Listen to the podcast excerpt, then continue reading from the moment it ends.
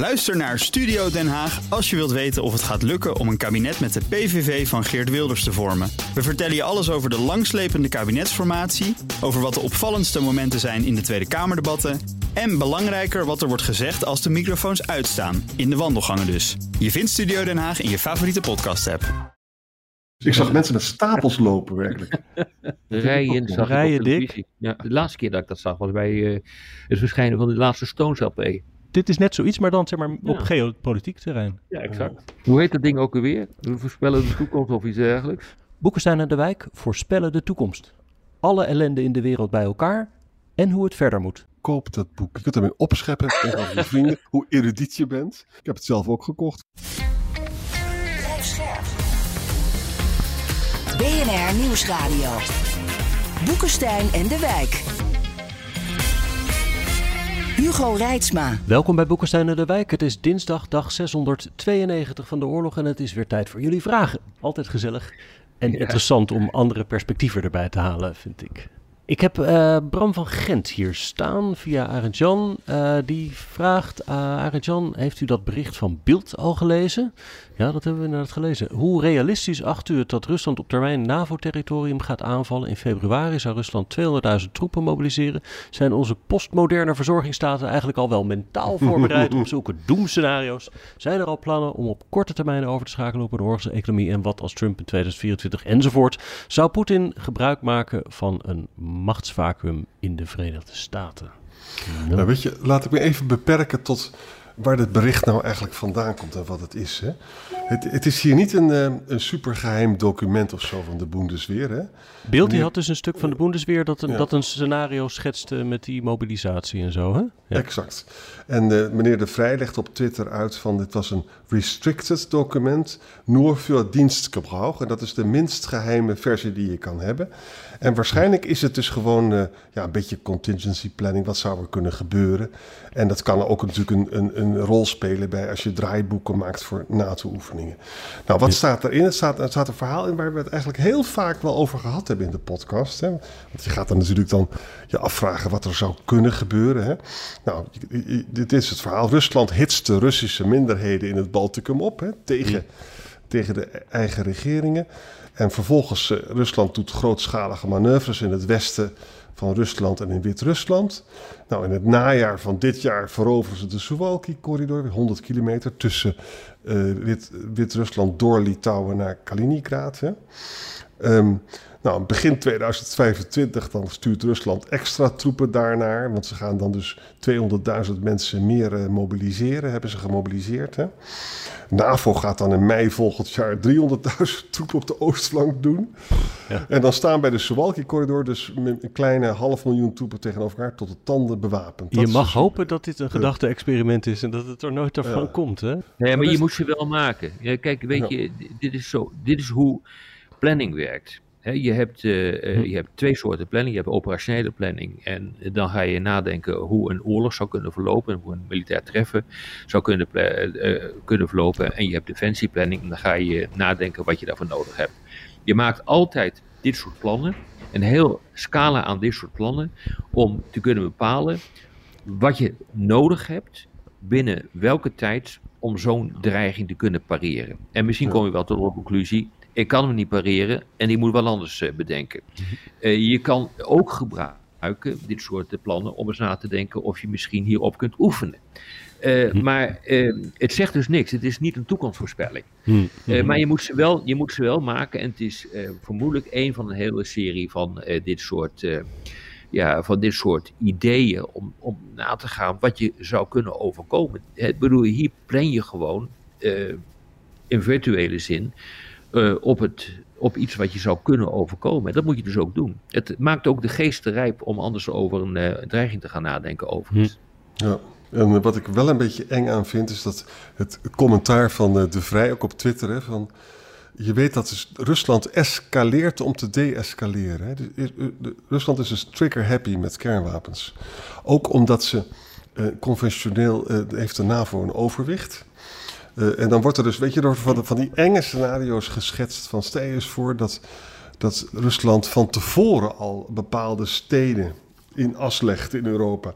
gaat dan Europa of Amerika wel echt reageren? En zeker als Trump er is. Dat soort enge verhalen worden er dan gezegd. Hè? Ik weet allemaal niet hoe realistisch dat is. Maar we hebben het wel eens eerder over gehad, Rob. We weten niet zeker of de NAVO reageert met kernwapens als de Rusland ermee begint. Nou ja, ik, uh, ik, uh, ik zat uh, de afgelopen dagen bij een uitermate interessante discussie hierover in, in veel nieuws. En nou, ik mag geen namen noemen, maar laten we zeggen, het, een, een voormalige president uit een van de Baltische landen die zei van, nou ik ben er helemaal niet zo van overtuigd dat uh, de NAVO-landen ons gaan helpen als uh, wij worden aangevallen. Dus zo'n zo'n scenario wat, uh, wat kennelijk in beeld stond, ja, dat heeft ook politieke implicaties, omdat je op grond daarvan ook kan gaan nadenken van welke bondgenoten gaan eigenlijk mee helpen. En een van de discussies die er toen was, was over de hardheid van artikel 5 van het NAVO-verdrag. Een aanval op één is een aanval tegen alle. Dat artikel is op zich wel, er, uh, wel hard, dat iedereen wat, uh, wat moet gaan doen. Maar er is niet in gedefinieerd wat je moet doen. Ja. Dus als je zegt van, uh, nou ik stuur wel tien kogels, dan is dat in principe ook oké. Okay. Mm -hmm. het is echt iets anders dan ehm, het, het verdrag van de Europese Unie, waarin in, nou uit mijn hoofd, artikel 42.7 staat, dat landen met alle middelen die ze ter beschikking hebben, moeten reageren. Dat is echt wat anders. Dus je kunt beter een, uh, een beroep doen op, het, uh, op de clausule in het, uh, in het EU-verdrag dan op het NAVO-verdrag. Terwijl de NAVO hiervoor is opgericht. Ja. ja. Je kan bij de NAVO ook geld sturen bijvoorbeeld. Hè? Dat kan ook. in plaats van. Ja, nee, dat, dat, kan. Ja, nee, dat kan. Ja, dat, is, ja, absoluut, uh, dat is absoluut waar. Het is wel dus, zo dat er inmiddels heel veel westerse militairen ook permanent zijn uh, gestationeerd in die Baltische landen, toch? Dus dat maakt het misschien een beetje moeilijk als, als de Russen die dan dus ook allemaal doodschieten. Uh, voor westerse landen om te zeggen: we sturen geld. Ja, ja, dat klopt. Dus er zijn sinds, die, sinds dat de oorlog is begonnen, is de aanwezigheid, de troepaanwezigheid behoorlijk opgeschroefd. Maar het, het is nog steeds zeer beperkt.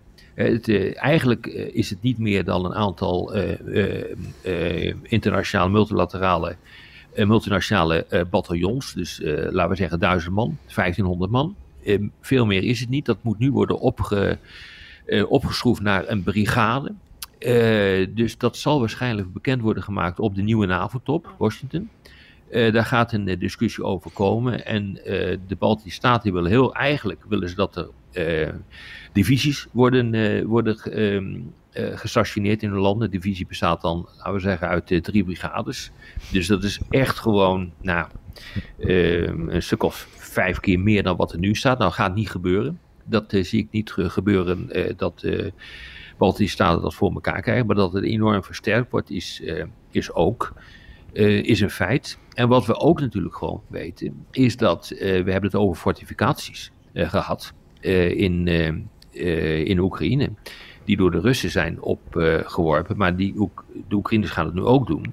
Ja, daar wordt natuurlijk bijvoorbeeld in de Baltische Staten nu ook over nagedacht. Moeten we niet gewoon hartstikke grote en verschrikkelijk sterke fortificaties bouwen langs onze grens? En dan kan je dus die troepen van de Russen al een beetje tegenhouden. Ja. Maar dat nucleaire verhaal, dat vind ik dus echt eng. Hè? Het speelde in de jaren 50 ook. Is Amerika bereid Chicago op te offeren voor Berlijn? Ja, ja. Stel je voor dat je dus Trump hebt en hij is isolationistisch. Dan zou je dus gewoon, dan, dan, laat je de Russen maar je gang gaan, omdat je gewoon zelf heel wil blijven. Ik vind dat nou, toch. Ja. Ja.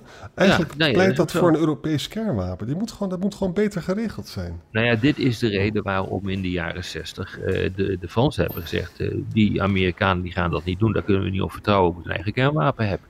Dus die discussie, krijg je, die, die, die discussie krijg je onherroepelijk weer. Absoluut, absoluut. Er was trouwens, ik had het nog even na moeten zoeken, maar ik las in het weekend op de website van het FD dat op een conferentie in Zweden, volgens mij onder meer de, uh, de hoogste generaal daar had ge gezegd, iets in de woorden van Zweden, uh, bereid u voor op oorlog. Wij moeten ja. ons voorbereiden op oorlog. Dat heb ik ook gezien, ja. Heb ja. ik ook gezien. Dus het is uh, ja, ook, ook, wat meer dan alleen maar hersenspinsels en gedachte-experimenten, dit soort... Nou ja, maar goed, ik bedoel, uh, uh, ik zou zeggen, ga eens door de Baltische Staten rondreizen. Dan hoor je dat gewoon elke dag. Hm. Eh, dus, eh, nou ja, dat, is dus ook, dat zat ook in, in die vraag eh, die je net hebt eh, gesteld, eh, Hugo. Is het postmoderne Europa, is hij daar wel voor geëquipeerd? Nou, Oh, ik ja, denk ja. Ja. dat is een belangrijk punt hoor. Wacht even, ik noem hem even, want eh, ja, de Sander Rote had dus die vraag. Die begon met de duistere openingszin. Arjan, Hugo, Rob, zijn we ons bewust van de wildernis? Hij zegt met een EU-buitengrens voor de kust van IJmuiden... het in slow motion reageren op existentiële dreigingen... een track record van militaire mislukkingen... en het ontbreken van survival of the most adaptable mentaliteit. Hoe zien jullie een vernieuwde Europese Unie voor je? En hoe ziet die er dan uit? En waaruit bestaan dan de fundamenten? Kijk, een postmodern betekent dat je niet meer machtspolitiek denkt. En dat moet je dus gaan denken. Wil je dus dit voor elkaar krijgen, wil je dus die verdediging op orde krijgen, dan zul je dus ehm, eh, een, een, een hele andere mindset moeten hebben in Europa. Eentje die inderdaad uitgaat van bedreigingen, eh, van hoe eh, een gebied verdedigd kan worden. Dat hebben we natuurlijk gewoon al 30, eh, 30 jaar niet meer gedaan. Dus ehm, wij zijn bezig om onze krijgsmacht in te zetten voor vredesoperaties. Dat is wat we belangrijk vinden. Ja. Maar de verdediging van Europa is nooit meer aan de orde geweest. Nou, het leuke is dat de discussie continu gaat over de Europese Unie. En dat is ook nieuw. En dat heeft te maken met het feit dat eigenlijk de NAVO centraal moet staan in deze discussie. Maar dat staat hij niet. De NAVO is uitsluitend eh, bedoeld nu op dit ogenblik voor de collectieve defensie van eh, Europa. En geeft niet letale, niet dodelijke steun aan Oekraïne. Ja, dus ja. eh, alle wapenleveranties, daar speelt eh, de, de NAVO eigenlijk geen rol bij, maar de Europese Unie wel. En je ziet nu in dit debat, en dat vind ik echt heel erg opmerkelijk, dat ook de Europese veiligheid gekoppeld nu wordt aan eh, de Europese Unie. En Ja. dat is wel verklaarbaar, omdat de Europese Unie speelt nogmaals een belangrijke rol bij die wapenleveranties, maar speelt ook een hele belangrijke rol bij het organiseren van de defensieindustrie in, eh, in Europa. Dus die Europese Unie wordt steeds belangrijker. Dus die Europese Unie, wat voor een heb je er dan? Dat is er één die eh, steeds ook militairder denkt. Ook al vind ik dat, ik verafschuw het hoor. Ik bedoel, maar dit is gewoon wat er gaat gebeuren. Hm. Die militairder denkt, die de defensieindustrie gaat, eh, gaat organiseren. En een Unie die begrijpt wat verdedigen betekent. En eh, wat je daarvoor nodig moet hebben. En hoe je dan economische macht daarvoor inzet. En niet sancties die niet werken. Dus eh, je krijgt een, ook een mindset binnen de hoofdsteden, maar ook binnen Brussel, binnen de Europese Commissie, die begrijpt hoe je met die machtsinstrumenten om moet gaan. Ja, ja. Moet je, En, hoe je daarin moet samenwerken. En dat is denk ik wat er gaat gebeuren. en het vereist natuurlijk, jongens, van, al- mocht Trump dus echt terugkeren en mocht hij de NAVO opblazen, dan moet er dus een EU-machtscentrum komen. Hoe moeilijk het verder ook is en hoe moeilijk het is met die parlementen. Maar als er niet een geloofwaardig commandocentrum is, met een geloofwaardige afschrikking, dan zijn we koekt met elkaar. Eh, en daarvoor moeten nog heel wat heilige huisjes geslecht worden. Dat kan eigenlijk alleen maar in een crisissituatie gebeuren. Hè? Dat je er echt eh, heel snel stappen kan zetten. Nou, het, het opmerkelijke vind ik, eh Arend Jan, dat we zitten in die crisissituatie. En er gebeurt Alleen- niet zoveel. Mensen doen net alsof we er niet in zitten. En dat, dat is wel echt heel erg opmerkelijk wat er op dit ogenblik eh, gebeurt. En dat heeft te maken met dat postmoderne. Dat zien we Ja. gewoon niet. Eh, we, we zien onze hulp aan Oekraïne in morele termen. En niet in machtspolitieke termen. We, we betrekken dat niet op onze eigen veiligheid. Eh. De discussies gaan in Europa over eh, migratie.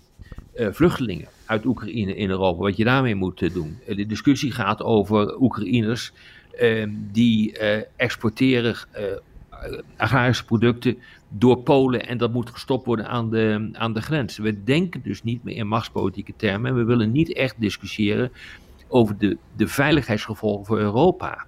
En dat zal echt gaan veranderen. Ik zeg niet eens dat dat moet gaan veranderen, dat Hm. gaat gewoon veranderen. Ja, omdat de oorlog hier is in Europa. Ja.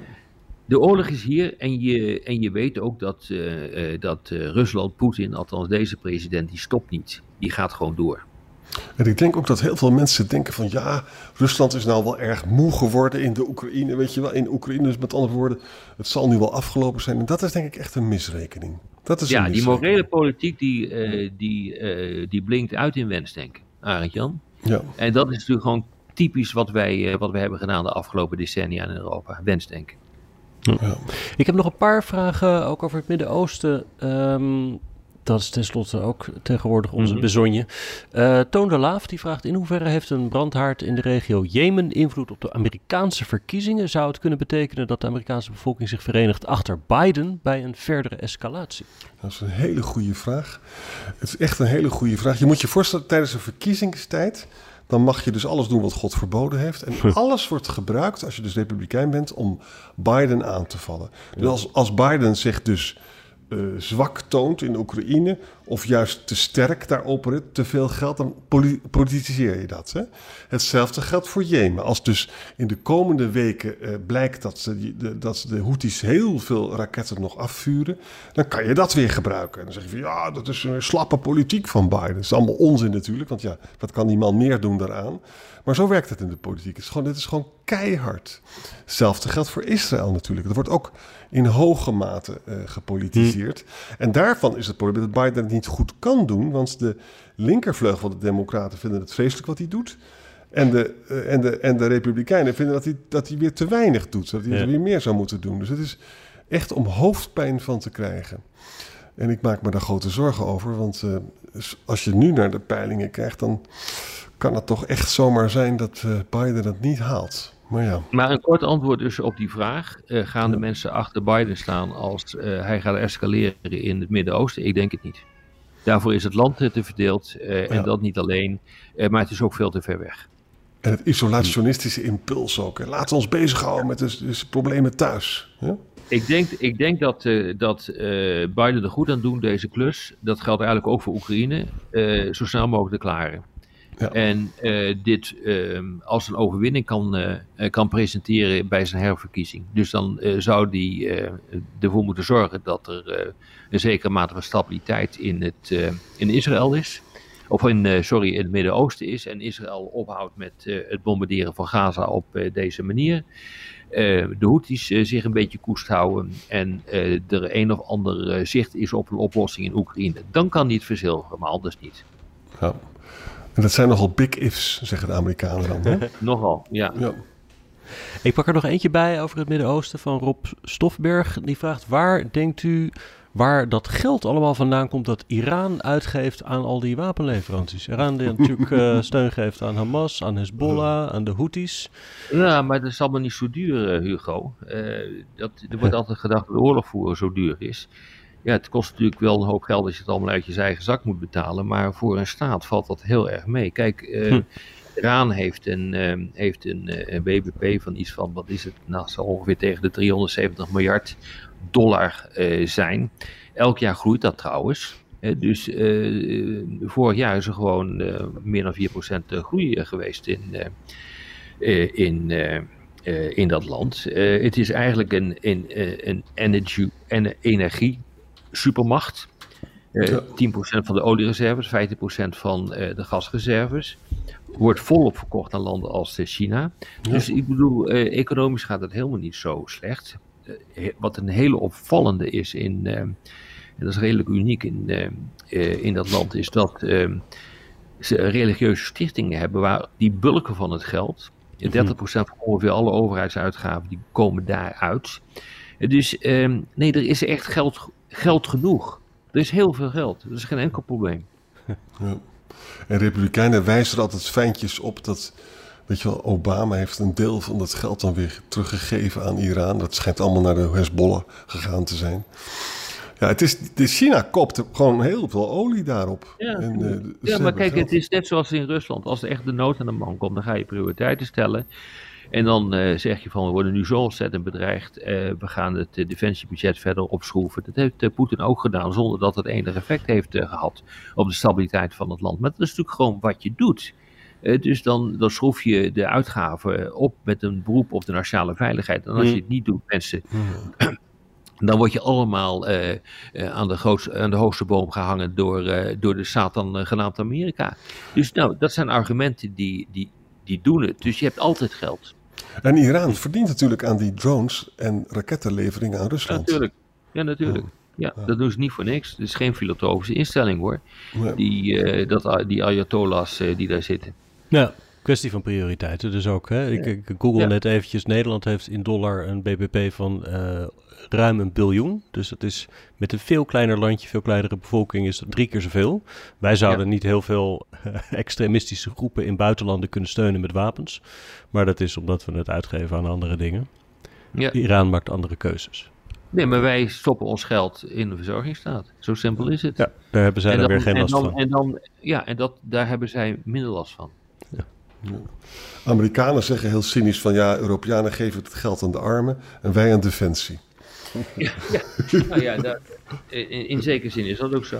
Maar dat noemen wij beschaving. Ja. hey, ehm, ik vond het weer gezellig. Ja, Ik ook. Dank jullie wel. En ehm, morgen Tot morgen. verder. tot morgen. BNR ben je altijd als eerste op de hoogte van het laatste nieuws. Luister dagelijks live via internet. Bas van Werven. En heel langzaam komt de zon op rond dit tijdstip. Je krijgt inzicht in de dag die komt op BNR, het Binnenhof in Nederland en de rest van de wereld. De Ochtendspits. Voor de beste start van je werkdag. Blijf scherp en mis niets.